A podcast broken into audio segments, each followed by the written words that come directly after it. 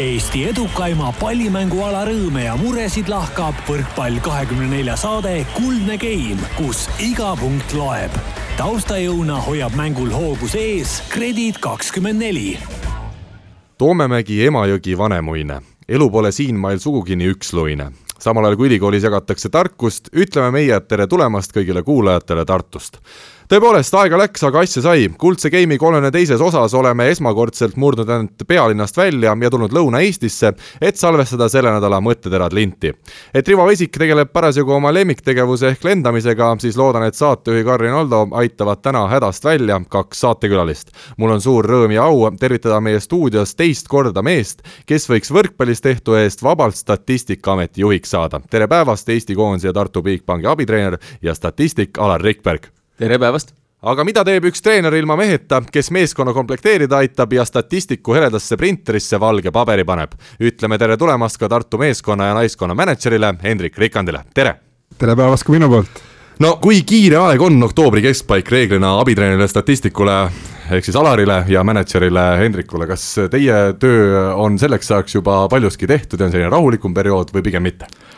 No minul sellest nädalast läks natuke rahulikumaks. meil äh, vedas selles suhtes karikaloosiga, et mängime Pärnuga, järgmine Kredit kakskümmend neli meistriliiga mäng on samamoodi Pärnuga ja alg, nii-öelda nädalate kiire aeg hakkab nüüd vaikselt otsa saama. Äh, oktoobrikuu on üsna rahulik ja seega saame siis trennidele keskenduda Hendrik, sinul muidugi töö käib hommikust õhtuni ja õhtust hommikuni. no täpselt nii, et sa võtsid lühidalt selle väga hästi kokku, aga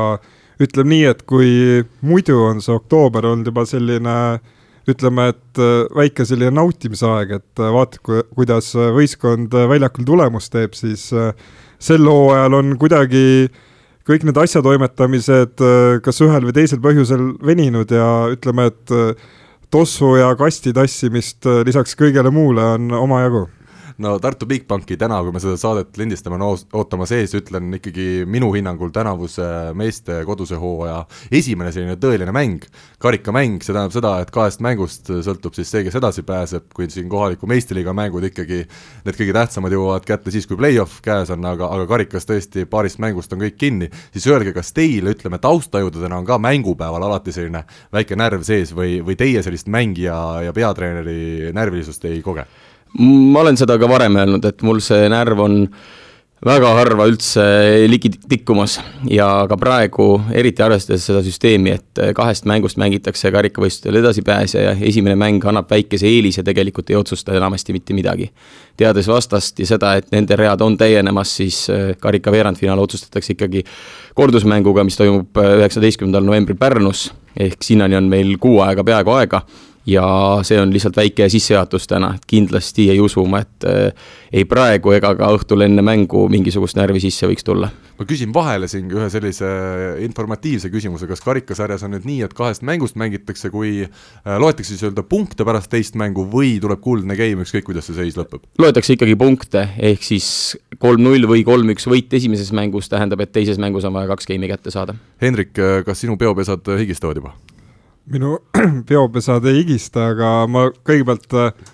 nõustun kohe Alariga, et äh,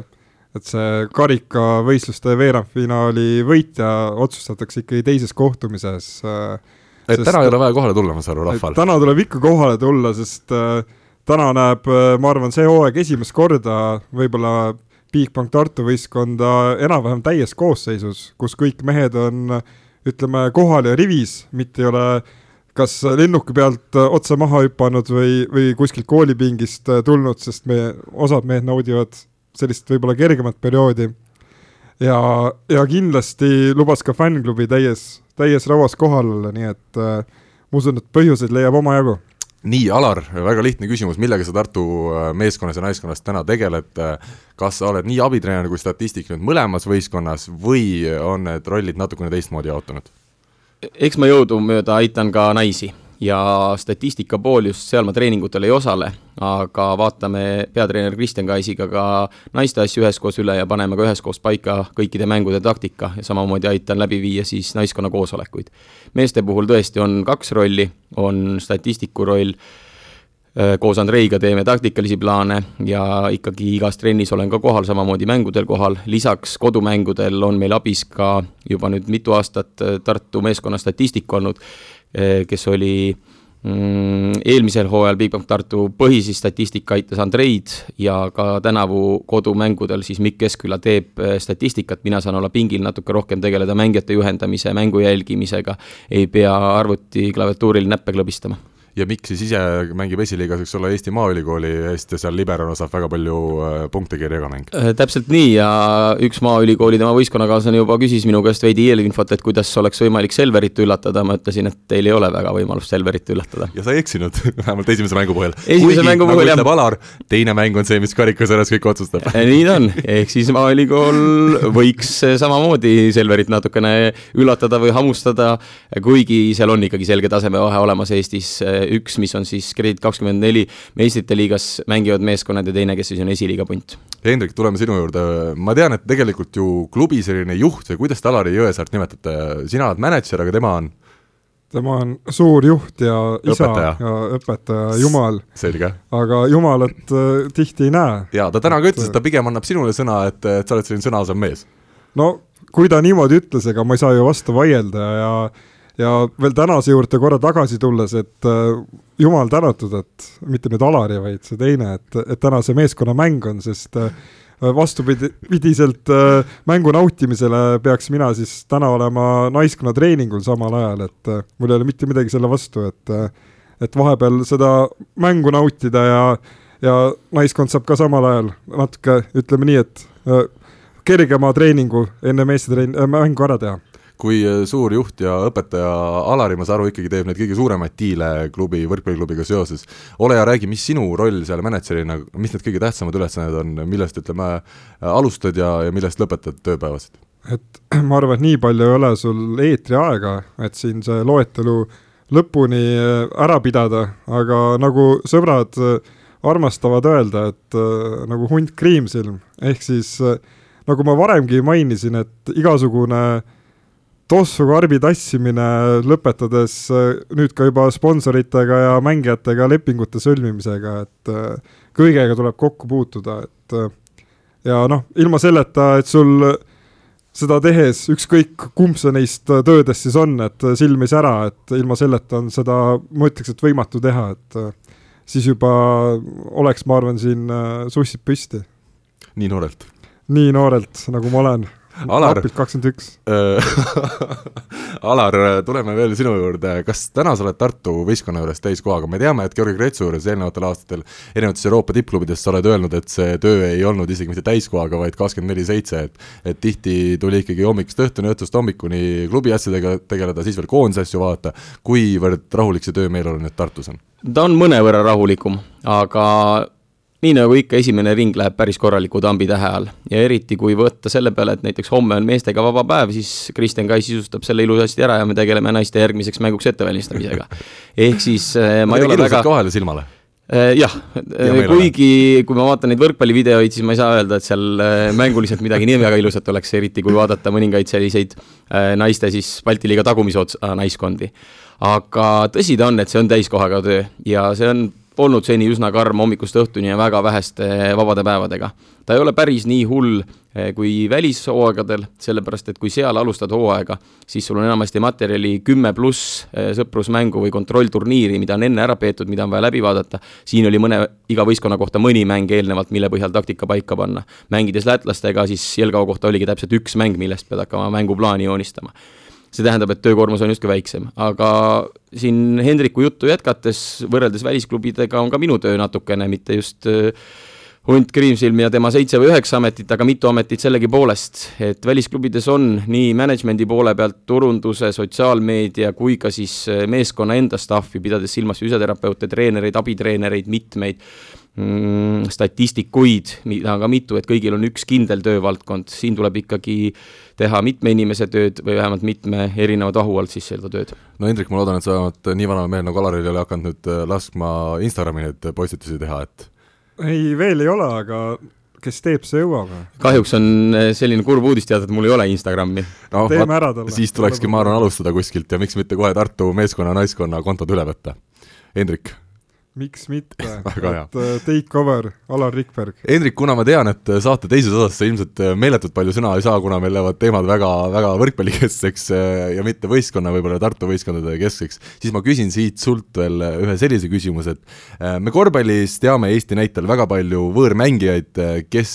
tulevad võistkonda, ei saa ööd ega mütsi sõna otseses mõttes aru, ei saa aru, kuidas käib võti korteri uksest sisse, ei saa aru, milline on tema auto parklas ja nii edasi, palju nüüd Tartu võrkpalliklubi näitel sarnaseid näiteid on tulnud? no me selle ühe probleemi oleme kohe ära lahendanud, et autot ei anna. et autot ei anna, täpselt nii, et see on nagu väga lihtne. Äh, võtmeprobleem, üritame tihti leida korteri, kus on ikka välisuksele ja ütleme korteri uksele üks ja sama võti, jälle probleem lahendatud. aga kui nüüd tõsisemalt rääkida, siis äh, tegelikult see on äh, üllatav kuulata vahepeal neid korvpalli nagu päris ekstreemseid juhtusid, sest äh, võrkpallis nagu päris nii hulluks pole asi läinud, et äh, loomulikult on siin üht-teist põnevat juhtunud, aga need on nagu pigem sellised teist laadi nii-öelda juhtumised, et kus üks või teine mängija, ütleme, et kodustele siinolijatele kas läheb peale või ei lähe peale, et mul, ma ei saa, mulle endiselt meeldib see, kuidas meil bulgaarlast Georgi äh, Topalovi nii-öelda õpetati eesti keelt rääkima. et ta oli meil taimetoitlane ja ta tahtis nagu eesti keeles teada, et kuidas see on, et ma olen taimetoitlane. ja siis mehed õpetasid, et mine restorani ja enne tellimist ütle, et ma söön nagu lehm ja, ja see on nagu see on nagu asi, millest äh, ei saa üle ega ümber, kui keegi küsib, et äh, nimeta üks olukord, äh, mis nagu toob alati naeratuse näole, siis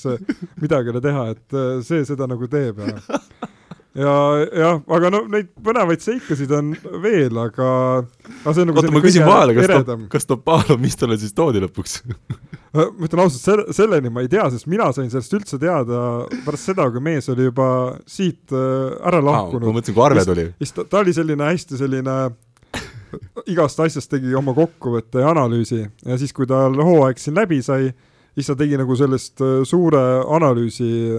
Facebooki. Ja siis sealt ma lugesin seda, ma arvan, et päris paljud lugesid veel seda esimest korda. Õnneks on Hendrik nagu nii palju targemaks läinud, et enam Tartu meeskonda taimetoitlasi ei ole toonud, nendest võrkpallis minu kogemusel midagi head välja ei tule Timo Tammemaa, Timo Tammemaa Eesti koondises on minu arust uus taimetoitlane no,. Timo ei ole päris taimetoitlane, aga ta on sinnapoole kahjuks teel et äh, ja eks võib-olla sealt peab otsima ka mõningaid soorituste nii-öelda muudatusi, aga ei, no taimetoitlane ja sport, äh, noh, võrkpall võib-olla ei ole päris see spordiala, kus, kus nüüd nagu käsikäes äh,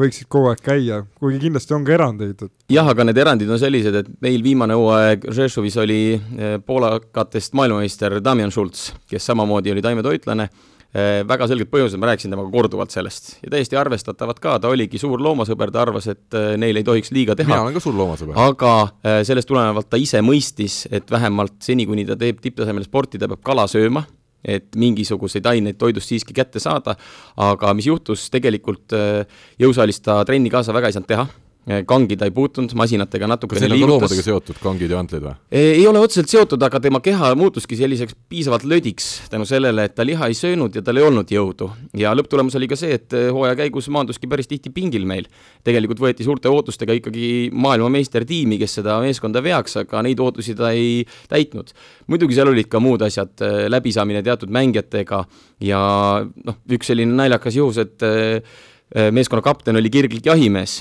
ja tema kõrval istub riietusruumis mees, kes vihkab kõiki, kes teevad loomadele häda ja arvata võib, et kaks sellist meest ühes riietusruumis ja täiesti reaalselt tähendaski tõsiseid tülisid. et loomadega seoses on üks teine selline hakkab tulema huvitav või no omamoodi seik äh, vähe tuttavamast välismängijast äh, nagu Lauri Siiselneks. käisime temaga koos siis korterit vaatamas, et kaks esimest päeva olid hotellis käisime koos ja korter kõik sobis ja omanik küsis, et, et koduloomi ei või olla. küsisin Laurise käest, on sul mõni koduloom? ei, ei ole. selge, diil koos ja nii kui sealt see maakler, maakler oli ära läinud, siis Lauris ütles mulle, et kuule, tegelikult mul on kasse. aga no kaup oli vaja kokku saada, korterit oli kiiresti vaja, et no ma lihtsustasin. ega see kass ei tee midagi. no hooaja lõpus see kassi mitte midagi tegemine oli seal selline tapeedi peal selline uus äh, kunst, et äh, igaüks sai seda ise hinnata, aga omanikule see väga ei meeldinud. Äh, küsin veel, Alar, siin eelmise teema jätkuks, kas tänapäeval siis neid veganitel neid mingeid asendusaineid ei ole võimalik nii palju leida, minu teada on ju täitsa olemas mingid variandid, vähemalt nad ise räägivad, mis ka sportlastel aitavad selle jõuosa kätte saada? ei tunne seda valdkonda nii hästi, sellepärast ei ole pidanud sellega tegelema, küll sellesama Schultzi näitel tõesti, ta sõi päris suurtes kogustes igasugu valgupulbreid, mingeid eh, toidulisandeid, aga see on ka omaette teema, kelle keha kui hästi neid omastab, eh, kuidas see sooritusele mõjub ja nii edasi. Mulle tundub lihtsalt kogemuse pealt, et selline täisväärtuslik mitmekülgne toitumine on eh, tippspordis üheks aluseks, üheks eelduseks, et teha vähemalt füüsilist pingutust nõudvat sporti heal tasemel Alar, äh, Statistikuametist äh, ma tahaks teha ükskord eraldi saate, et rääkida, mida see kõik tähendab, sest tavalisel inimesel, ma arvan, ei ole ettekujutust ka, mida see statistiku töö tegelikult endast, endast siis jah, kujutab. aga ole hea, räägi, kas ühel heal statistikul, vaadates seda, kuidas te neid numbreid ja, ja, ja tähti sinna sisse trükite, kas oleks ka ainest saada heaks programmeerijaks, tänapäeval on ühiskonnas natuke ilmselt tasuvam amet, kui see võrkpallistatistiku oma olekski niisugune IT-mees, et kas need koodid on kuidagi seotud sellega või ei anna? Nad ei ole ole seotud äh, absoluutselt mingisuguse programmeerimisega, küll aga äh, kui me räägime statistikutööst puhtalt selle arvutiprogrammi ja tehnilise osa selgeks õppimise poole pealt, siis äh, see on tõesti sarnane. Et ID, IT-valdkonda minnes tööle antakse sulle ka mingisugune hulk programme, lisaks sellele statistika nii-öelda siis koodide ja videoprogrammile on sul vaja tunda ka arvutit ja seetõttu ma isegi absoluutselt ei välistaks, et statistikust oleks ainest, tegelikult on toimunud teistpidi liikumisi tihti. ehk siis statistikuks võrkpallis on saanud inimesed, kellel on arvutiga kokkupuude, kellel on erinevaid oskusi seal ja pigem nad õpivad siis võrkpalli osa sinna juurde küll aga isiklik kogemus ja, ja kõikjal nii-öelda erinevate klubide juures maailmas ringi käies, siis inimesed, kellel on ainult IT-taust ja kes võrkpallist midagi ei jaga, siis võrkpalli selgeks saamine läheb kauem eh, kui sellesama siis eh, programmi osa selgeks saamine ja puhttehniline töö no ma tean, et äh, Eesti võrkpallis väga palju statistikuid ei ole, meie saadet kuulab täna ikkagi regulaarselt üle tuhande inimese, kui nüüd siin peaks olema mõni võrkpallisõber, kes on alati mõelnud, et oh, numbrid mulle meeldivad, võrkpall mulle meeldib ja Alar Rikberg võib-olla ka meeldib, äh, kas siis on mingi võimalus, kuidas selline tavaline inimene, täitsa niisugune võrkpallisõber võiks ka statistikuks saada, kas sellised inimesed vajatakse ja kuivõrd lihtne oleks äh, tal siis sellise töö juurde tulla? selline stardiplatvorm kindlasti on olemas ja paljude klubide juures. on olemas meeskondi, näiteks kas või TalTech praegu liigas, kellel pole oma statistikut. kõikidel klubidel on kohustus teha statistikat oma kodumängudest, Läti võistkondadel ka seda ei ole. see on väga algelisel tasemel, midagi nad teevad, vahepeal nad seda ei tee, viimane RTU mäng näiteks, nad ei saanud programmigi käima, mis tähendas, et mina tegin nende statistika video pealt pärast ära ja, ja nad maksid sulle, ma loodan vähemalt? ei maksnud midagi, ma tegin seda äh, lihtsalt heast südamest, nii nagu ma olen paljusid aidanud, aga on neid meeskondi ja ka naiskondi, et äh, Hendrik üks, aga teised võistkondade mänedžerid samamoodi, ma arvan, et avasüli võtavad vastu inimesi, soovitan, et alguses, arvestades finantse ja nagu klubide võimalusi, see oleks selline vabatahtlik töö ja mm, millegi uue selgeks õppimine ja sealt edasi arenedes alguses lihtsakoelise statistika tegemine, et saada numbrid, mille alusel siis ka näiteks ajakirjanikud saavad öelda, kes mitu punkti tõi ja hiljem süvitsi õppimine, tegelikult nii on kõik alustanud minagi alustasin kaks tuhat kolm, kaks tuhat neli hooaeg äh, Pärnu võrkpalliklubi juures, meistrite liiga äh, hooaeg oli see Pärnul, äh, samamoodi käisin natukene, tegin, ega sellest suurt tolku, ma arvan, võistkonnale veel ei olnud, see oli lihtsalt kohustus, mida kõik meistrite liiga meeskonnad pidid tegema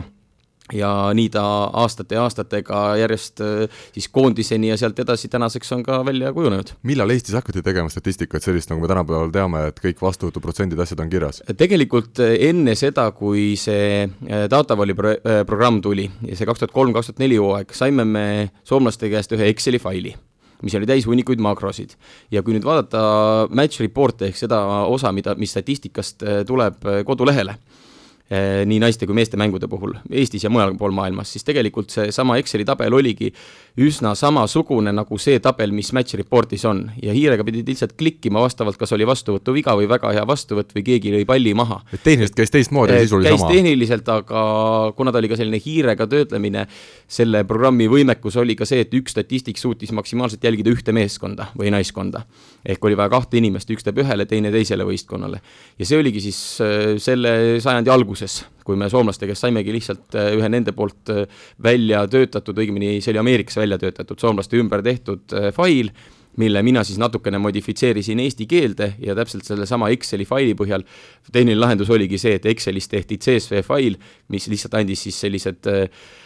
tabelandmed äh, netti ja sealt genereeriti siis veebis söödav fail sellest välja. aga kuidas enne seda oli Eestis, kas keegi seisis paber ja pliiats näpus äh, ja nii, pani lihtsalt punktid kirja või? mängijate nimed, enamasti pandi punktid, mõned jälgisid ka vastuvõtte ja muid elemente ja tõmmati kriipsukesi, linnukesi, plusse, riste ja kõike muud, olid erinevad süsteemid, oli ka mingi selline üldtunnustatud süsteem, see käis paberi ja pastakaga. nii et kui tänapäeval on nii, et ütleme, treener läheb pärast mängu järgmisel päeval trenni, näitab, võtab paberi ette, ütleb, näed, sul oli, eks ole, kehvast vastuvõtust oli rünnakuprotsent näed ainult nelikümmend viis, siis vanasti oli see, et treener tuli trenni ütles, näed, et Toomas sai teile kaks punkti, järelikult väga hästi ei mänginud, sa pead nüüd paremini mängima. ja paremad treenerid ei öelnud mitte ainult, et kaks punkti, vaid kaks punkti ja sa olid kümnest kaks maha, siis nad märkisid ka need üles, mida sa ei löönud ära, ehk tegelikult täpselt sama info ja mitte ainult nii lihtsakoeline, et kes mitu punkti tõi seesama paber, kus on siis kuus kastikest asetuste kaupa joonistatud, kus näidatakse, millises asetuses kellega mängiti, eh, selleks on Äh,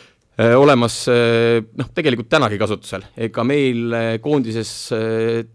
üks siis treeneritest, Rainer Vassiljev, kasutab seda skeemi tänaseni, sest sealt on teatud asjad, mida talle endale meeldib märkida ja kust välja lugeda, alati ei olegi vaja arvutist neid tabeleid välja võtta, neid saab ka ise valmis teha, mis muidugi on oluline, et sealt midagi aru saaks, kes tahab hakata äh, Äh, paberi ja pastakaga päris alustada seda tööd, siis äh, soovitan osta kohe neljavärvilise pastaka, sellepärast et igale pastakale tuleb mõelda oma skeem välja, mida see tähistab, et sealt midagi oleks võimalik ilusast värvilisest pildist ka välja lugeda pärast. et seda värvilise pastakaga nii-öelda tööd statistiku või ana-, analüüsi, analüüsimise eesmärgil olen siis mina nagu nüüd juba kaks hooaega teinud, et äh, naistevõistkonna juures ja see, see on ka selles mõttes äh, väike selline äh, kuidas ma nüüd ütlen, juba rutiiniks kujunenud, et äh, see hooaeg, äh, kui meil Alar on juures, olen ma seda nüüd pigem mitte teinud, aga täitsa pingi peal hakkab ka juba selline, käsi hakkab sügelema, et tahaks meid kritseldada. ja ma arvan, et ma selle rutiini juurde tulen võib-olla isegi tagasi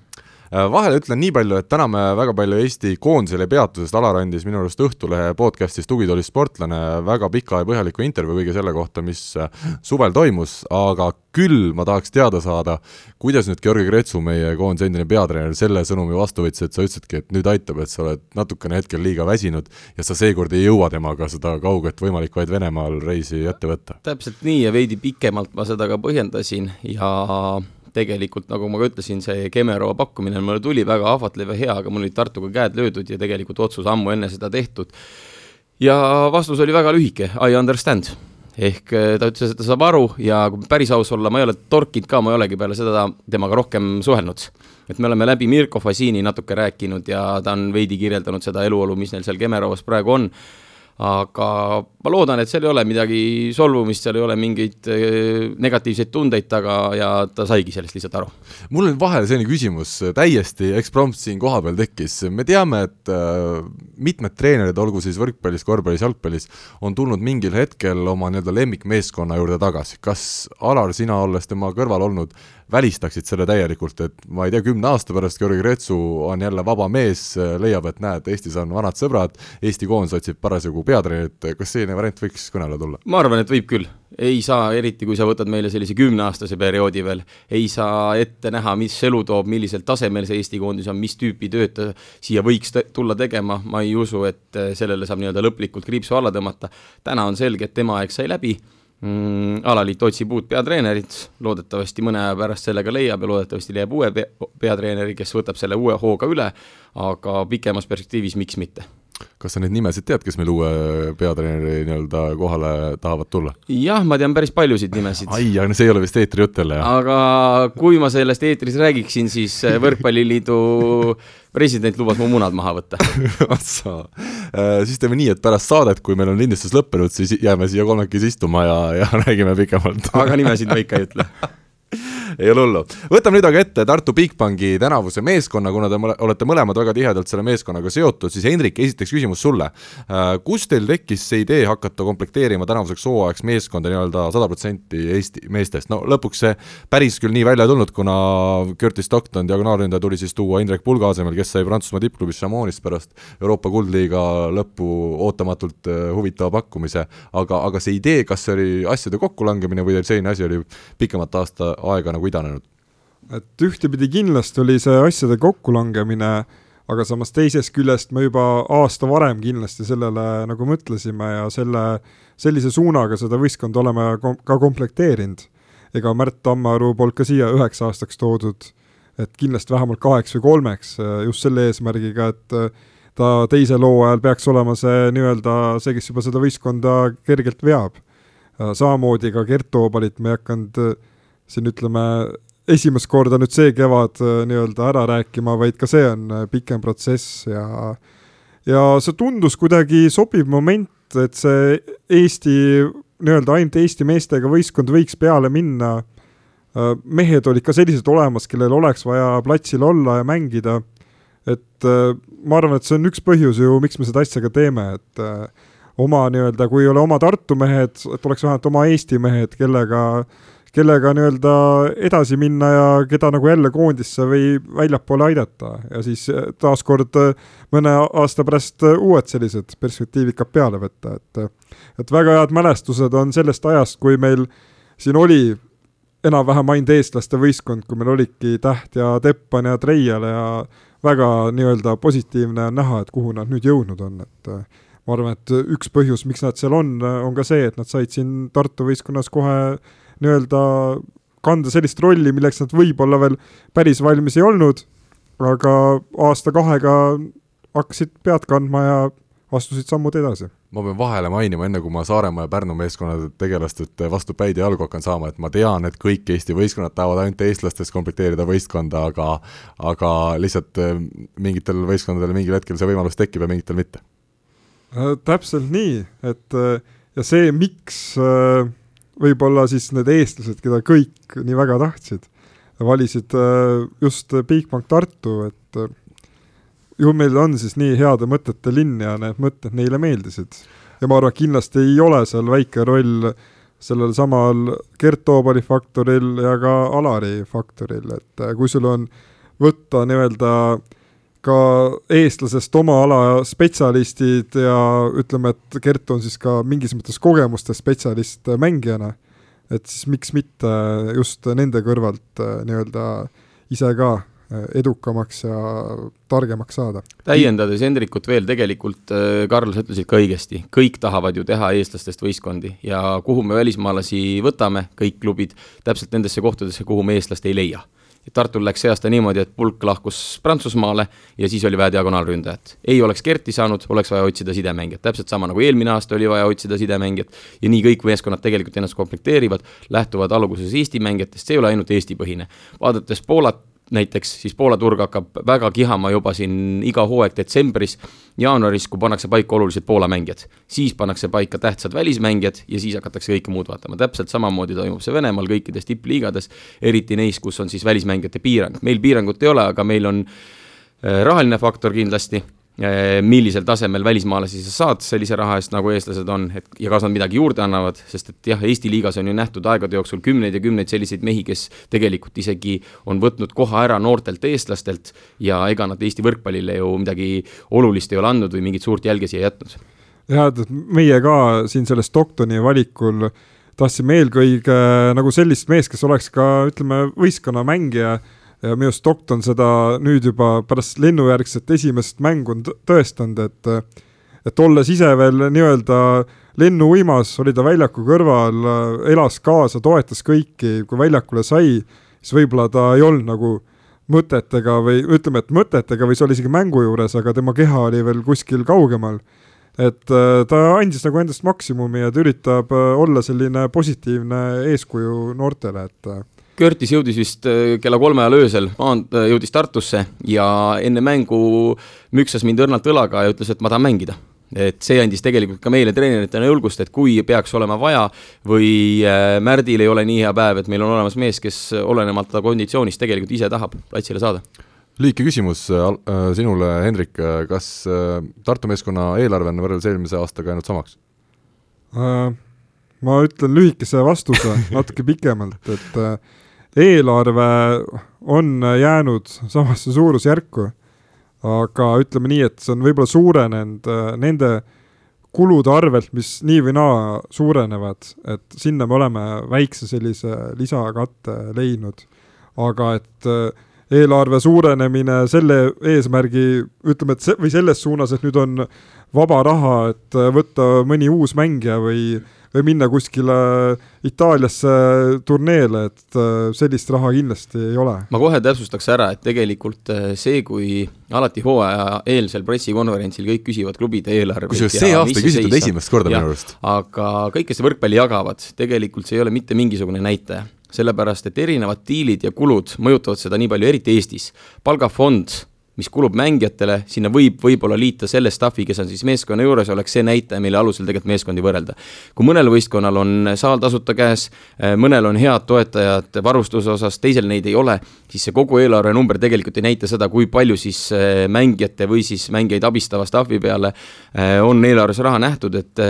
seda numbrit tihti pannakse sinna veel mingisugused naiste asjad või noorte asjad juurde, see ei näita tegelikult mitte midagi. no ta näitab suurusjärku, aga mitte jah, aga kui Selver ütleb sellise numbri, kus on kogu nende noortesüsteem sisse pandud või kui Bigbank Tartu liidab endale sinna naiskonna, kui Bigbank Tartu maksab äh, saali eest võib-olla kolm korda rohkem kui eelmisel hooajal Saaremaa, äh, vabandust, Rakvere äh, maksis, kes mängis Rakvere tasuta saalis, kuigi need trennid olid Tallinnas, selle eest nad pidid jälle palju maksma. Pärnul võib-olla, ma isegi ei tea diili täna, on tasuta saal käes, need on asjad, mis tegelikult seda eelarve lõppnumbrit ei muudagi võrreldavaks ja Eestis võib see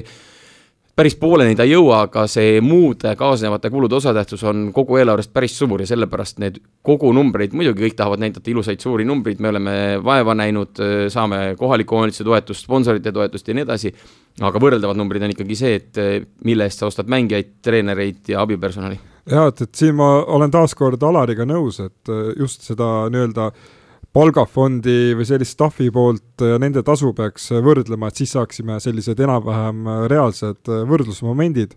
sest on ka ju see, et mõni võistkond panustab sellesse, et me reisime kas oma autode või üks pluss kaheksa bussidega, teine panustab sellesse, et on korralik suur buss, seda kõike sellepärast, et oleks mängijatel mugavam ja no et see kõik oleks nii-öelda nauditavam, et, et ongi, kes kuhu nagu panustab, et ja kus see nagu mängija arengu jaoks kõige olulisem hetk on, et äh, seda juba saab igaüks otsu-, ise nagu otsustada, aga siinkord ma, siinkohal ma tuletan meelde, et need äh, kõik Eesti mängijad, kes, keda kõik klubid tahtsid, valisid Tartu, et võib-olla, võib-olla siis on ka seal mingi põhjus. Alar, küsimus sulle, sa oled siin suhteliselt hilja liitunud Tartuga, ütleme komplekteerimise juures sa ilmselt väga palju veel ei olnud ja meeskond oli paljuski ka eelmisest hooajast juba koos, kas nüüd järgmisel suvel, kui Tartu hakkab meeskonda komplekteerima, siis alustatakse ikkagi maailma tippudest, vaadatakse, kas Dmitri Musterski mees, keda sa Belgorodis juhendasid, on näiteks vaba, et, et te hakkate kohe nii-öelda isiklikul tasandil suhtlema täiesti tippudega või? Siin on mõistlik maa peale tagasi tulla, aga alustada sellest, et äh, see on vale arvamus, et ma ei olnud meeskonna komplekteerimise juures. ikkagi olid? jaa, nagu ma ütlesin, tegelikult Tartuga me alustasime läbirääkimisi päris vara. Ja ka Hendrik küsis minu nõu ühe või teise mängija juures, needsamad eestlased, keda võib-olla ka keegi teine noolis, mina ühele siis andsin õnnistuse, teisele võib-olla, kes siia ei jõudnud, ei andnudki õnnistust, sama teema, kui oli paigas, et Gert tuleb siis äh, koos Gerdiga me vaatasime mitmele mängijale otsa, äh, diagonaalründaja valiku puhul ei olnud niimoodi, et meil on Curtis Stockton, meil käis siin noh, ütleme tõsisemalt võib-olla viis-kuus nime läbi. Äh, vaatasin need videod läbi, vaatasin, millisel mehel midagi on head või halba, mida ta võistkonnale võiks juurde anda, et tegelikult suurem osa meeskonna komplekteerimise juures olin mina Hendrikul kõrval ja oli ka Gert abis. Et minu arust on see ka loomulik ja ma natukene näen Eestis sellist riski ja võib-olla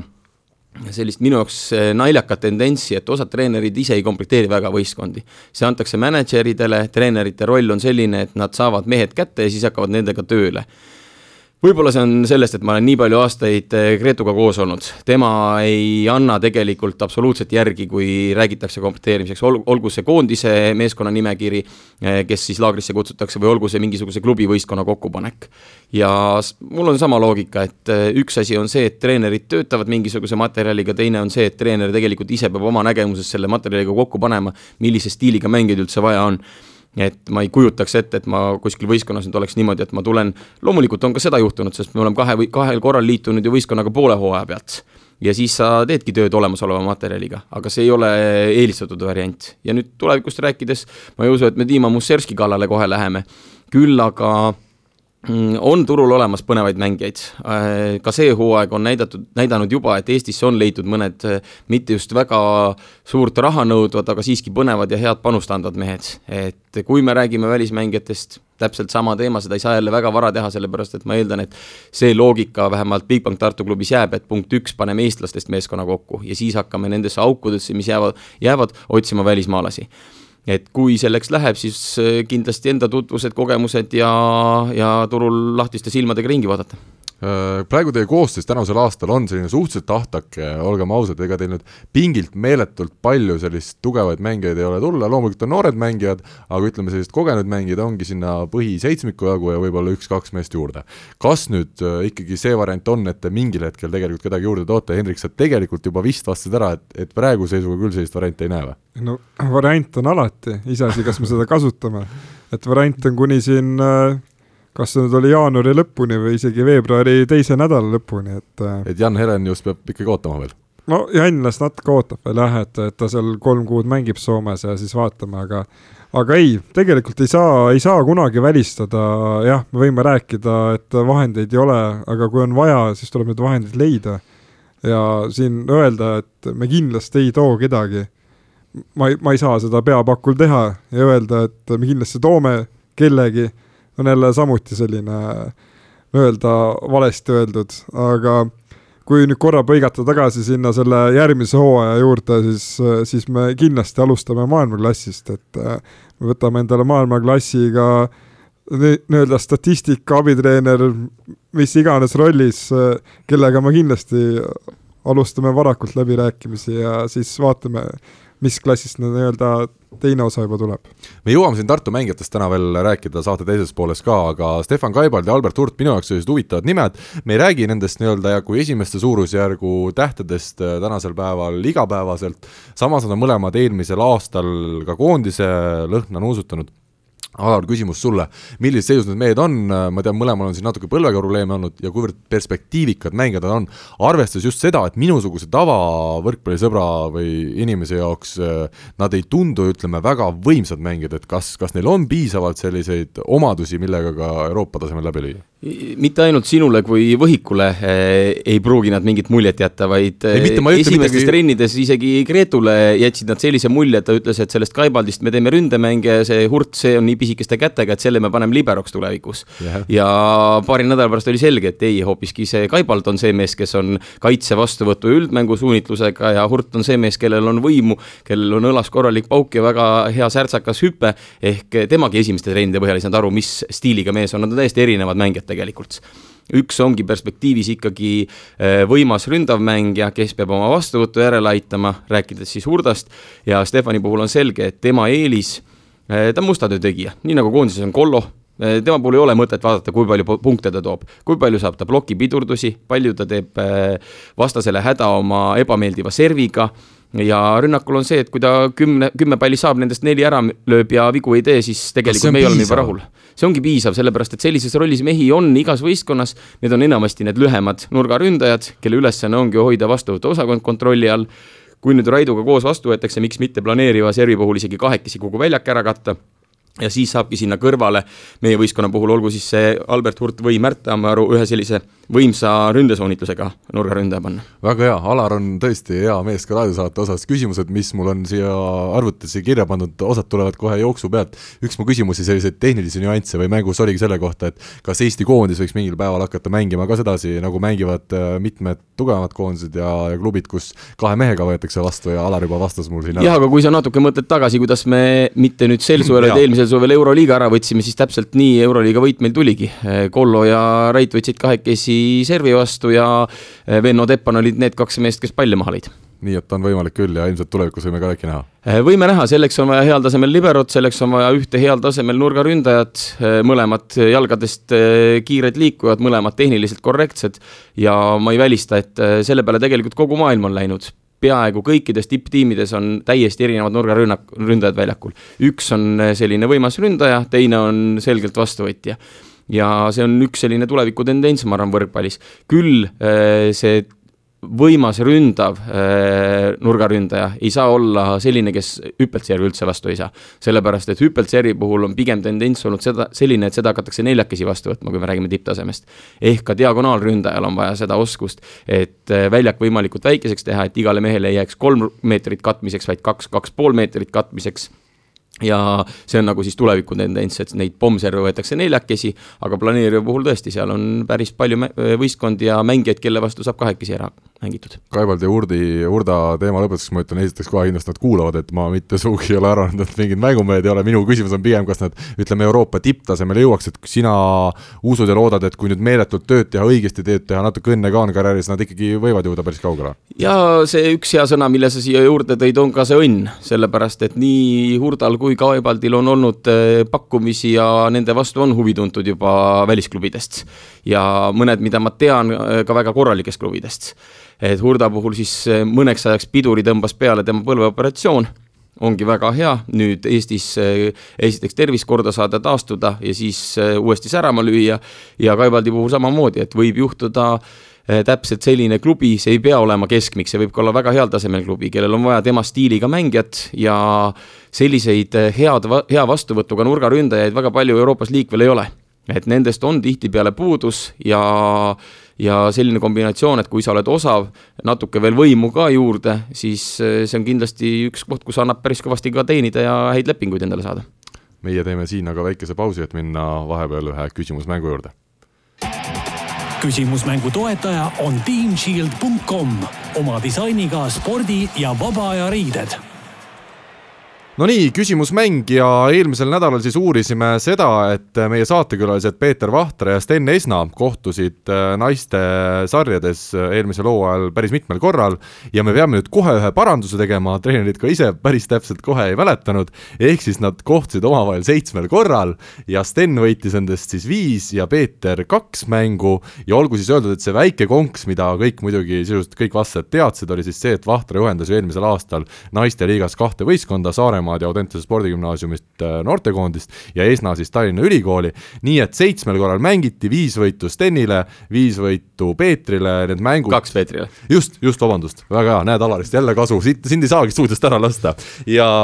ja, ja siis äh, üks mäng, mida või mängud, mida ei osatud võib-olla otsida, et lisaks Eesti liiga põhiturniirile ja ka karikasarjale olid siis ju ka need naiskonnad vastamisi lõpuks kohamängudes Eesti liigas, nii et nii need seitse mängu kokku tulid. meil on üksteist õigesti vastajat, kes siis teadsid, et äh, Sten Esna rohkem neid mänge võitis. Äh, Hendrik, sina oled esimest korda saates, annan sulle võimaluse number ühest üheteistkümneni, ma tean, su enda särk on kakskümmend kolm, kui sa seal erinevatel madalamate liigade mängudel osaled, aga mul on ka üks teine särginumber, kus ma nende kõrgemate liigade mängudel osalenud Aha, olen. nii number üksteist. number üksteist, Sten Toomla, tema, teda õnnitleme siis äh, Eesti võrkpallilegendide erisärk, Viljar Loor, Peet Raig ja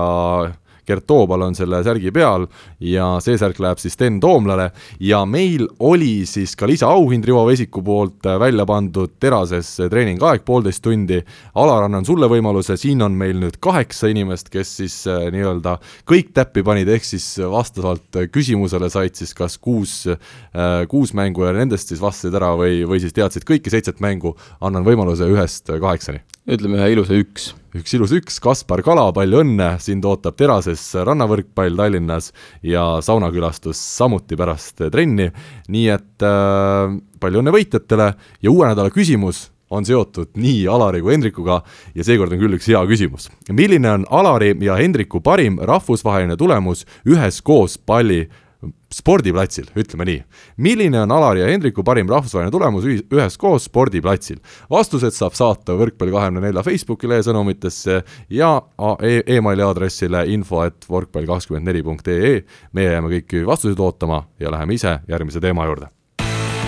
aeg on välja selgitada nädala tegija nädala tegija rubriik äh, ja siin siis äh, alustuseks kolmas koht, Kristel Moor, üheksa häält. Kristel Moor, Eesti koondise diagonaalründaja, naases siis tänavuseks hooajaks äh, koduliigasse, õpib magistrantuuris majandust, kui ma õigesti mäletan, ja mängib siis TalTechi eest ja mängis nii hästi, et esimene Eesti tippklubide omavaheline mäng, TalTech võitis selle väga kindlalt kolm-null, Tartu Ülikool Bigbanki vastu, game'id siis kakskümmend viis, kümme, kakskümmend viis, seitseteist ja kakskümmend viis, kakskümmend üks. esiteks küsimus Alarile kui meie paremad naiskonnad on eelnevatel hooaegadel mänginud omavahel, siis mulle on pigem tundunud, et seal võrdsetes mängudes on olnud tahes-tahtmata kuidagi see juhuse roll võitja selgeks saamisel määrav. kas nüüd tänavu võib öelda, et TalTech on ikkagi sellisel tasemel, et siin ka on nii-öelda rahvusvahelist klassi ja kui mängivad head naiskonnad, siis tõesti see taktikaline pool ja kõik see hakkab üha rohkem mängima Äh, vastupidi, kui on klassivahe nii suur, siis see taktikaline pool enam üldse ei mängi. aga ütleme, kui Tartu saab ka järele natukene? Äh, ma arvan, et Tartu hooaja käigus saab nagu tasemelt järele ja teistpidi tuleb tunnistada, et kui TalTechil täpselt selline koosseis jääb, äh, kui nad oma tööõpingute ja muude tegevuste kõrvalt korralikult saavad ka trenni teha, siis siin on omajagu selge klassivahe ikkagi olemas, et meil ei ole kahte favoriiti, meil on naistes ikkagi üks selgelt teistest paremini komplekteeritud, tänu siis õnnele või millele iganes, lihtsalt nad ei saanud välisklubidest lepinguid, pakkumisi häid ja me ei saa öelda, et siin oleks võrdsete liitrite heitlus praegu. ja pigem on äh, Kristjan Kaisile ja kogu äh, Tartu naiskonnale siis äh, hooaja jooksul vaja leida need võtmed, kuidas üllatada et Tartu alistamine, kui nad oleks TalTechiga vastamisi ükskõik millises mängus või millises faasis, siis Tartu võit oleks üllatustulemus. ma ei välista, et neid üllatusi tuleb hooaja jooksul.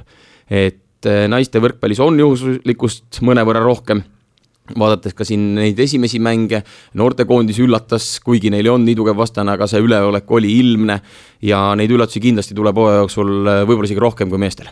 no TalTechi naiskonna vaadates tegelikult eh, noh, meil on siin spordisõpru loodetavasti Delfi vahendusel ka, kes igapäevaselt võrkpalli ei jälgi, siis olgu öeldud ka, et lisaks Moorile, kes tegutseb siis diagonaalründaja ehk siis põhilise ründaja koha peal, siis Julia Mõnnak, Eesti koondise kapten, on naiskonna sidemängija, eh, Elisa Peit on siin veel tempona juures ja Kristjan Õlvak liberon, et ta ongi sisuliselt niisugune Eesti eh, koondis, ainult siis selle erinevusega, et ütleme, nurgaründajad on jah, teised ja ja kindlasti ka päris Merilin Paalo ja Maria Säästla on tublid, tublid mängijad, aga aga päris Nete Peidi, Kristiine Miileni ja Anu Ennoki taset tänasel päeval veel välja ei anna ja loomulikult Mari Loormani ei saa mainimata jätta, üks Eesti liiga legendaarsemaid mängijaid siis teise temporündajana. Kui me seda TalTechi naiskonda vaatame, kas see on juba selline võistkond, kellega justkui peaks ka eurosarja peale järgmisel aastal mõtlema, kui see koosseis peaks jääma samaks, need naised peaks seal olema, on see, on see niisugusel tasemel võistkond? seal on raske sellist soovitust anda, sellepärast et nii, nagu see võistkond tänavugi komplekteeriti, ta komplekteeriti sellistest mängijatest seetõttu, et nad mujal ei saanud järgmine aasta ei ole niimoodi, et ma Äh, septembri alguses mõtlen, et näed, päris korralik punt tuli kokku, nüüd lähen eurosarja. eurosarja registreerimine käib ikkagi kõvasti-kõvasti varem ja selleks peab olema juba see võistkond või tuumik või mingisugused kokkulepped tehtud ja ma ei näe seda, et Eesti naiskonnas, äh, naiste võrkpallis oleks selliseid äh, rahasid liikumas või selliseid klubisid praegu, kes hakkaks nüüd juba sel hooajal järgmiseks aastaks plaane tegema. pigem mõtlen tasemet, taseme poolest just. tasemelt kindlasti mingis liigas nad võiksid mängida, sellepärast et ka naiste eurosarjades erinevates liigades on üles-alla igasugu võistkondi ja kui me toome nüüd võrdluse meeste võrkpalliga, et Saaremaa, Pärnu mängivad eurosarja, siis jah, sellises koosseisus TalTech võiks ka rahvusvaheliselt mängida. Hendrik, mis siis tuleb teha, et Tartu naiskond siit veel äh, mingi imekäigu leiaks ja hakkaks TalTechile tänavu vastu saama? no päris kõike ma ei saa välja rääkida, et mis me selleks tegema peame, et äh, eks me seda oleme natuke siin arutanud, aga selge on see, et äh, nagu ka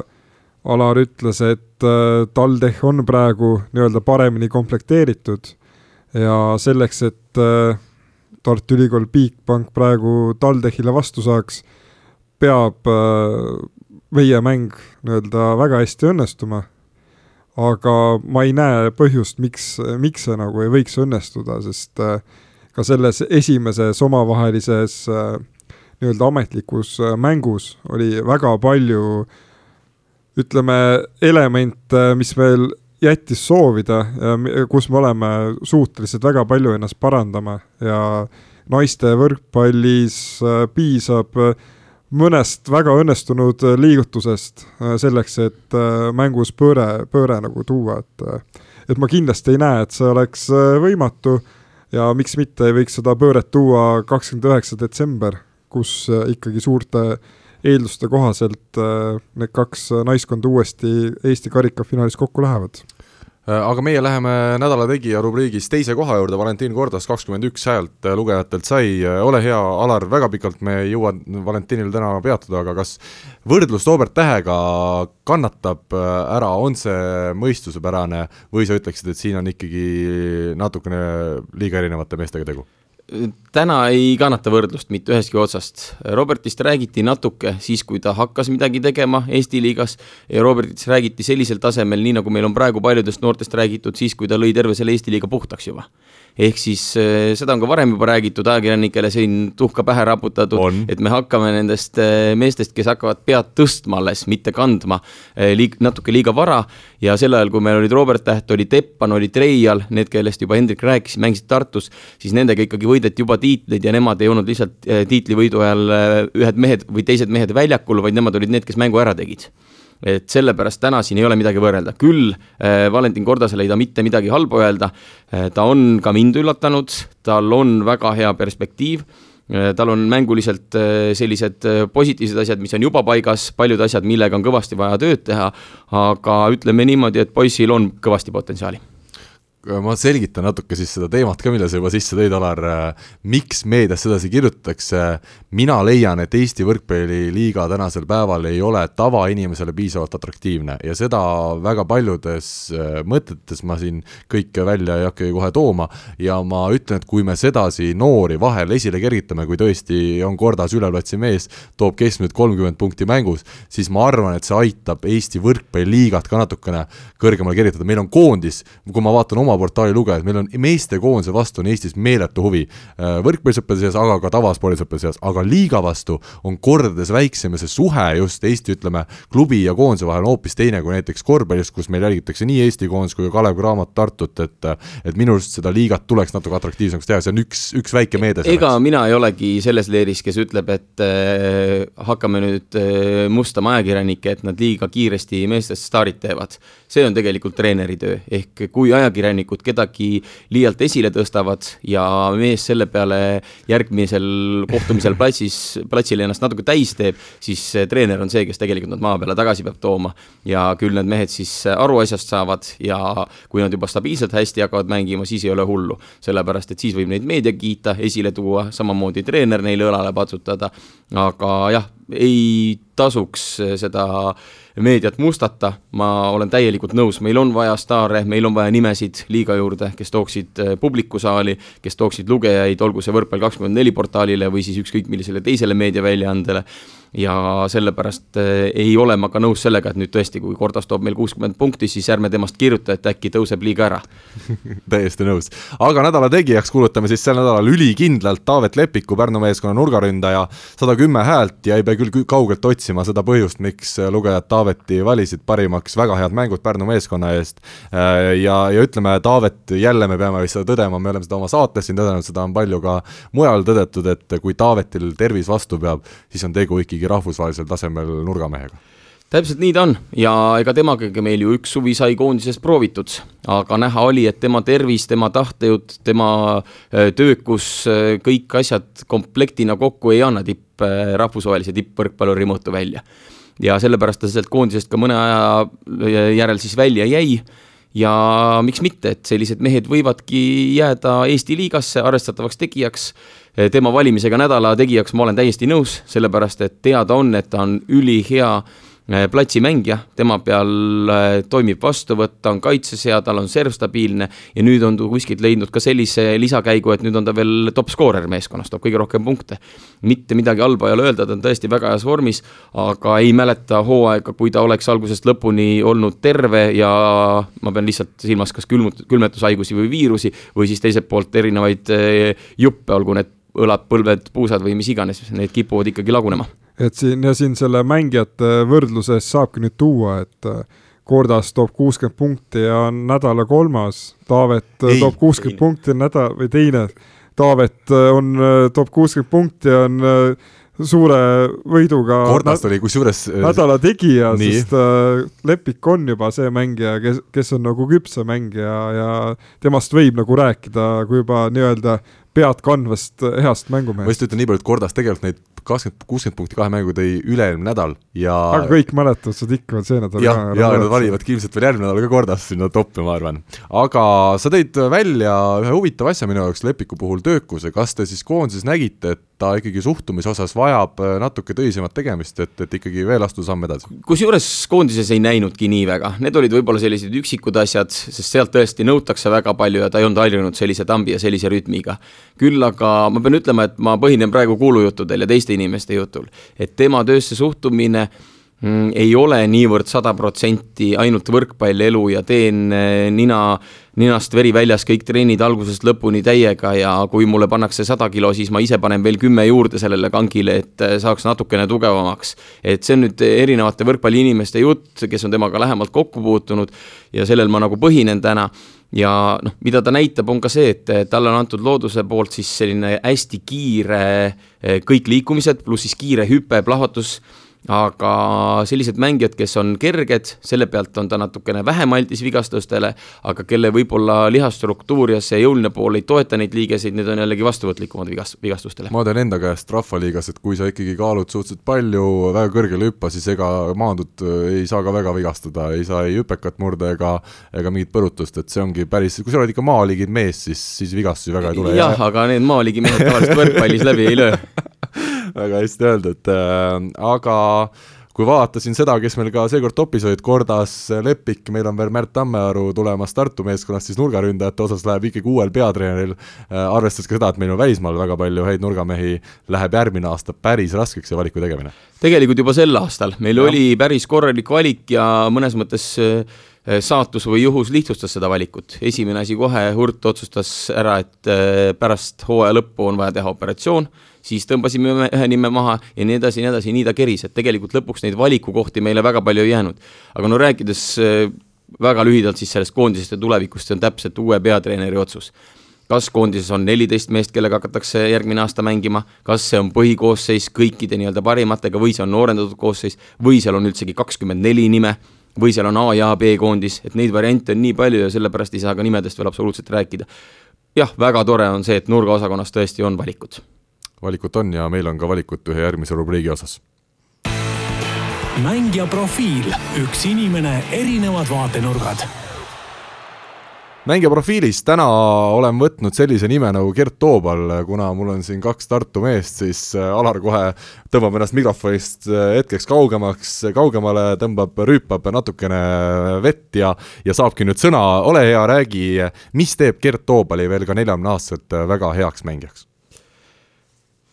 See on mingisugune fenomen, Gert on tegelikult legend, teda ei saagi võrrelda Eesti võrkpallis ega Eesti spordis väga palju teiste inimestega, neid on nii üksikuid.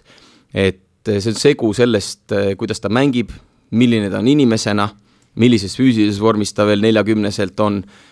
kuidas ta viitsib ja tahab võrkpalli sees veel olla ja tal on seda indu. Eh, tal on tahtmist ka noori igapäevaselt trennis kaasa aidata, nendega rääkida, samas sellised liidrirohed üle võtta. seal on eh, palju asju, mis on kaasasündinud ja palju, mis tuleb lihtsalt selle hiiglasliku, hiiglasliku kogemuste pagasiga. kas tal mingi nõrkus ka on sidemängijana? Äh, ikka on nõrkusi. Äh, need on äh, sellised üksikud tehnilised või otsuseid puudutavad asjad, aga kuna kindlasti ka meie vastased, eelkõige ma tean, et näiteks Aavo Keel kuulab praegu seda podcast'i, siis ma ei tohi sellest rääkida. tervitame siinkohal Aavo Keelt. kui me Gerdist veel räägime, siis milline see hooaja algus tema jaoks on olnud, sa oled kõrvalt näinud seda ja, ja kuulnud, kuidas ta ennast tunneb ja, ja näinud ka väljakul, kuidas ta tegutseb? ta ei ole planeeritud, sellepärast et juba suvel me rääkisime sellest, et Gert mängib olulised mängud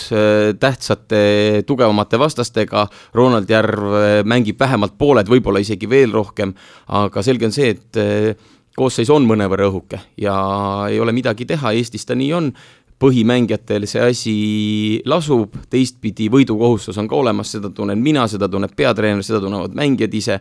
ja isegi kui me korra proovisime siin vahetustega eksperimenteerida, meil olid siin juba nimetatud mehed, kellel olid põlvedega hädad, kui me Lätis mängisime Jelgavaga, kaotasime ühe game'i, me tegime, tegime kiired tagasivangerdused ja järgmine päev RTU-ga sai juba meestega öeldud, et teeme pigem kiired kolm game'i, saame normaalsel ajal koju tagasi, eh, kui et me hakkame andma noorematele mänguaega ja võib-olla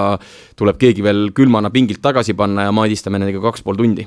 ja Gert on täna ikkagi Ronald Järvest äh, paar aastat ülevalpool? Äh, selge ta on ja need mängijad ei saagi kunagi ühele tasandile, Ronald Järve näol on tegemist ikkagi amatöörmängijaga, ta käib tööl, äh, ta ei osale kunagi hommikustel treeningutel. ja kahe lapse isa, ma ikkagi ja, ütlen ka seda kaksikut, kaks, see ei ole lihtne isa. töö. täpselt ei ole ja sellest on ka Ronaldil väike õllekõht juba ees ja Assa. ega tal lihtne seal kodus ei ole, aga no nii ta on, et Gert on saanud natuke rohkem mängida, kui oli planeeritud, aga teistpidi see on asjade selline mõnevõrra loomulik käik. kui ma nüüd õigesti kokku loen, siis meil võistkonnas vist ongi kolm professionaalset võrkpallurit. meil on Gert Toobal, Mihkel Tanila, Curtis Stockton ülejäänud mehed kas käivad äh, ülikoolis, koolis äh,, neljanda Stefan Kaibaldi unustasin, neli meest ikkagi, või käivad tööl ja siis töö kõrvalt või töö vahepealt käivad nad trenni tegemas. hommikuti on meil vahepeal neli meest, vahepeal viis meest, täna oli selle hooaja rekordhommikune trenn, kuna mängupäeva hommik, siis oli kohal kümme meest. aga ikkagi mitte kõik, mis tähendab seda, et see oli minu jaoks äh, ma ei tea, kas ta üllatus oli, mul oli natukene suurem ootus sellega, et kui palju saab tegeleda eriti noormängijatega individuaalselt, teha neile puhtalt serv või vastuvõtt või ploki liikumised aga tahes-tahtmata, kuna me ei saanud kogu võistkonnaga palju koos olla, me pidime kiiresti hakkama kuuikuid mängima, sellepärast me pidime selle soorituse kohe ka väljakul tulemusele orienteerima. siis eh, natukene on jäänud tagaplaanile see, et eriti kuna hommikuti neid noori, kellega tahaks töötada, ei ole kohal, sest nad on loengus või nad on eh, koolipingis või nad on tööl mõned siis lõpptulemus ongi selline, et ei ole väga põhjust teha poolteist tundi hommikul vastuvõttu Rait Rikbergiga või lasta Gert Oobalil poolteist tundi hommikul tõsta. et need mehed, kellest on puudus ja kellel seda vaja oleks, need kahjuks on muude asjadega hõivatud Äh, Gerdi füüsiline vorm, kas see on üllatus ka sulle, et ikkagi noh, ma käisin ka siin TalTechiga mängu viimast vaatamas äh,, ei saa kuskilt otsast aru peale see ralli pea, et ta on nelikümmend aastat turjal. jah, kui Gert juuksed ka ära värviks, siis ei saakski ta temast vist aru, kui vana ta on, sellepärast et äh, kui mõni mees riietusruumis särgi seljast ära võtab, mõni kakskümmend või natukene üle kahekümne mees, siis sa näed seal kohti, mille korral nuriseda. tahaks ta saata jooksma või vaadata üle tema menüü, aga kõik, kellel on muret oma füüsilise vormi või kehakaaluga, aga võivad Gerdi poole pöörduda, aga lihtne valem on tal olemas, ta toitub korralikult, ta elab äh, tervislikult ja korralikult, tema valikud on tehtud selle järgi, et ta on tippsportlane ja samamoodi teeb ka, teeb ta trenni ka täiega. selge, seda oli meeldiv kuulda ja meie võtame siin nüüd ette saate viimase osa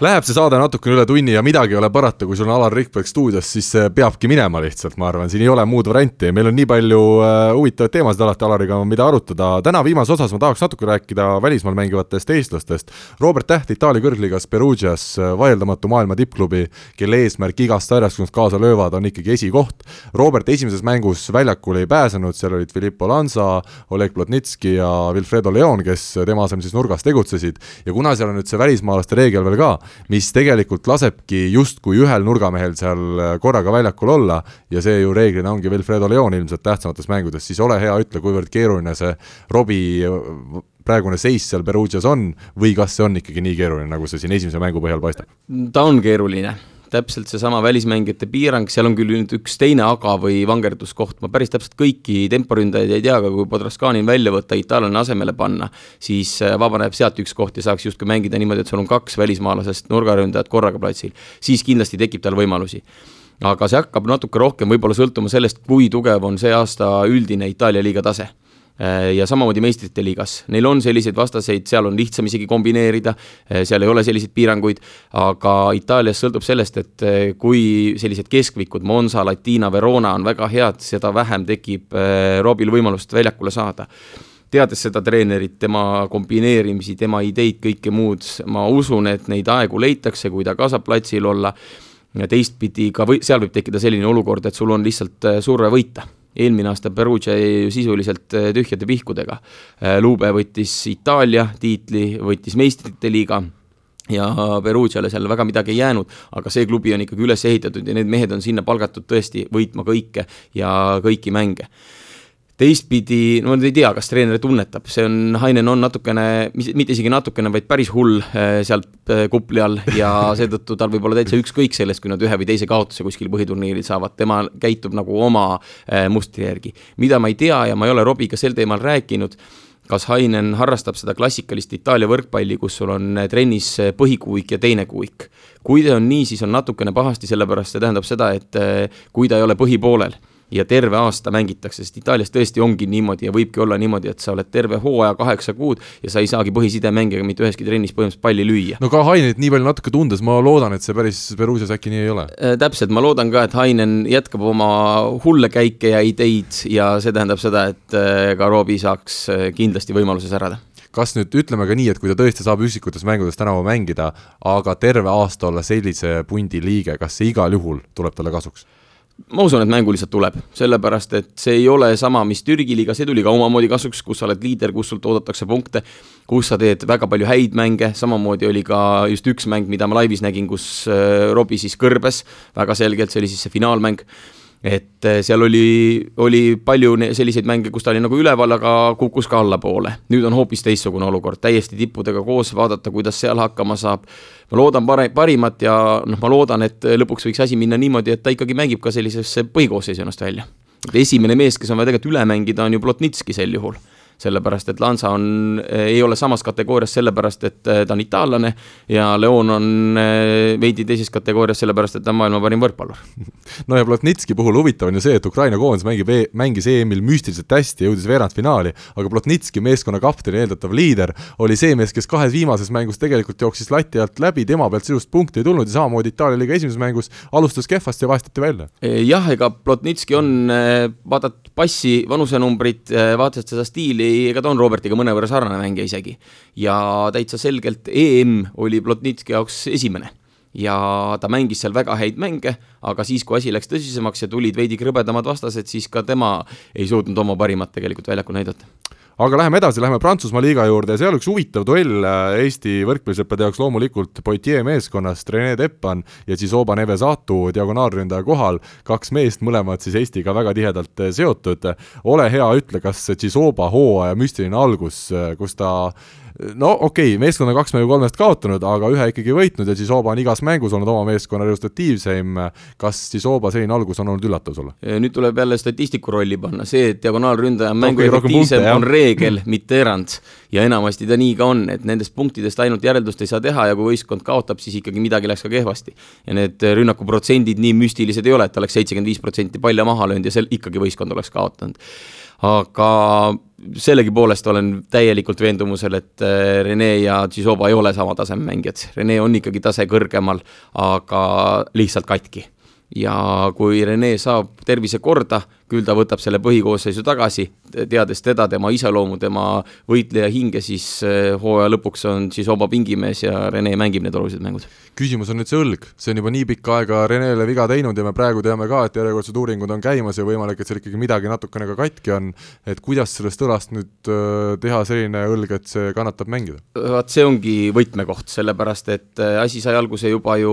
eelmise hooaja keskel, kui ta Poolas olude sunnil, kuna Vlasli oli väljas, pidi Belhatovis mängima ka katkisena sellepärast lihtsalt võistkonnal ei olnud mängijaid, et kui me räägime, et Eestis meil on õhuke, siis äh, Belhatov käiski vahepeal mängul kaheksa-üheksa mehega. Ja igasugu kombinatsioone tehti, mäletate ju kõik, kuidas meistrite liigas Rene pidi lausa temporündaja Tempo, olema. et äh, neid hädasi oli, äh, ta mängis läbivalu ära, aga tegi endale karuteene. see karuteene oli tegelikult kogu suvi, sest et tervet Rene Teppanit me sel suvel Eesti koondises ei näinud, see jättis kogu, kogu koondise esitlustele tegelikult selge jälje. Ja loodame, et puhkus ja taastusravi viivad ta samale tasemele ja saab selle õla täielikult korda, küll aga vaadates tagasi diagonaalründajatele, kellel on õlaga probleeme olnud, on ka teistsuguseid näiteid, kus päris sellist pauku ja sellist võimu enam ei tulegi kätte tagasi. et siis kas või näiteks Argo Meresaar, üks näide kellest saigi siis rohkem osavuse peale mängija, mitte enam äh, võimas diagonaalründaja. aga ikkagi mitte kaitsespetsialist. aga kahjuks hooaja lõpuni mitte kaitsespetsialist või mitte hooaja, vaid karjääri lõpuni no eks Steppaniga natuke sarnane olukord on ju ka Magnus Kirdil, kellel võib-olla see viskekäsi on, on veel töisem, selles suhtes võrkpallis sa võidki kavaluse peale minna, aga Odas päris nii ei ole, et ma panen nüüd kavalusega viiekümne meetri peale. jah, Odas kavalusega võib ka viiekümnele visata, aga see ei anna mingisugust head kohta sulle lõpuks. nii, natukene veel, mida ma tahan uurida sult, keda nüüd sina soovitad Eesti võrkpallisõpradel täna tänavu välismaal mängivatest eestlastel äh, nii-öelda eelse pilguga jälgida või silma peal hoida? üks põnev asi on muidugi Türgi liiga. ehk siis äh, kas Venno jälle suudab ennast Türgis kokku võtta ja jälle Türgis platsi puhtaks lüüa ja imelised tulemused teha, see on selline väga põnev kõigile, sest kõik teavad, et tal on sees see tase olemas. kui palju ta viitsib, kui palju ta tahab, kui palju tal on motivatsiooni ja teine asi ka Andrus Raadik Türgis sellepärast et ta läks ikkagi tagumise otsa meeskonda, eh, Raadik võiks olla korralik punktimeister seal Türgis, eh, klubi või see koondise suvi oli tal natuke üles-alla, lõpuks sai ta paremasse vormi selgelt ja oli juba arvestatav jõud, ehk siis Türgi liigast need kaks meest, Prantsusmaal meil on palju mehi ja ei ole alustanud keegi nagu hiilgavalt aga küll nad käima saavad, see on täiesti tavaline, et mehed, kes on koondisega, eriti kui on finaalturniiride aastad, et sa pead veel mängima seal septembris ka olema tippvormis, siis oktoober-november on auku kukkumise aeg ja tihtipeale need mängijad uuesti hakkavad siis detsembrist ennast üles töötama ja nad võiks heal tasemel olla kevadises siis hooaja teises pooles ja meil on Prantsusmaal jah, lisaks nimetatud pulgale, meil on Prantsusmaal Tammemaa, meil on Prantsusmaal Ardo Kreek, et neid mehi, keda ka Prantsuse liigas vaadata ja seal on ka omavahelisi vastasseise, et see võiks olla see põnev, et eestlane versus eestlane, eriti kui on diagonaalründaja diagonaalründaja vastu, pulk Teppani, samamoodi temporündajad Tammemaa Kreek üksteise vastu. Need võiksid olla sellised äh, põnevad vastasseisud. Ja kuna meil on kogu maailma võrkpalli näinud mees ikkagi külas, äh, siis ma esitan sulle veel sellised äh, lihtsad küsimused, äh, millele saad siis vastust ennustada, kes tuleb tänavu Itaalia meistriks? Perugia tuleb Itaalia meistriks. kes tuleb Poola meistriks? Poola meistriks tuleb nüüd ma jään hätta, sellepärast et Saksa on teinud valikuid ja kaotas Samderu, muidu ma oleks kindlasti Saksa peale panustanud. Rešovia on kehvasti komplekteeritud, jääb ilma. ja treenerid on kehvad Rešovias. ja treenerid on ka nüüd kehvad, eelmine aasta olid palju paremad äh,. Oniko Varšava, kes jäi ilma Onikost ja nüüd on Varšava projekt äh,, samamoodi on juba kaotanud hunniku mängijaid, nemad ka ei ole minu hinnangul konkurentsivõimelised. eks ta kokkuvõttes vast Belhatovi Saksa peale jääb ja ikkagi Donjuti veab Saksa meistriks. Äh, meie jaoks tähtis Prantsusmaa liiga, kes selle võidab? Ma isegi ei paku, sellepärast et seal on neid potentsiaalseid võitjaid mingisugune seitse-kaheksa tükki, ma arvan, ja hooaeg on alanud selliste üllatustega, et seal on täielik loterii. nii, Hendrik saab siis selle ära öelda? Tours. aga jaa, kohe esimene meeskond, mis tal meelde tuli, selle sai pakutud no,. no ta pakkus ka kindlalt, see on alati võitnud ega küll ta tuleb ka no.. nii, ja Venemaa, eriti huvitav see, see aasta minu arust Venemaa võib olla huvitav, aga kokkuvõttes ma arvan ikkagi asi läheb selleni,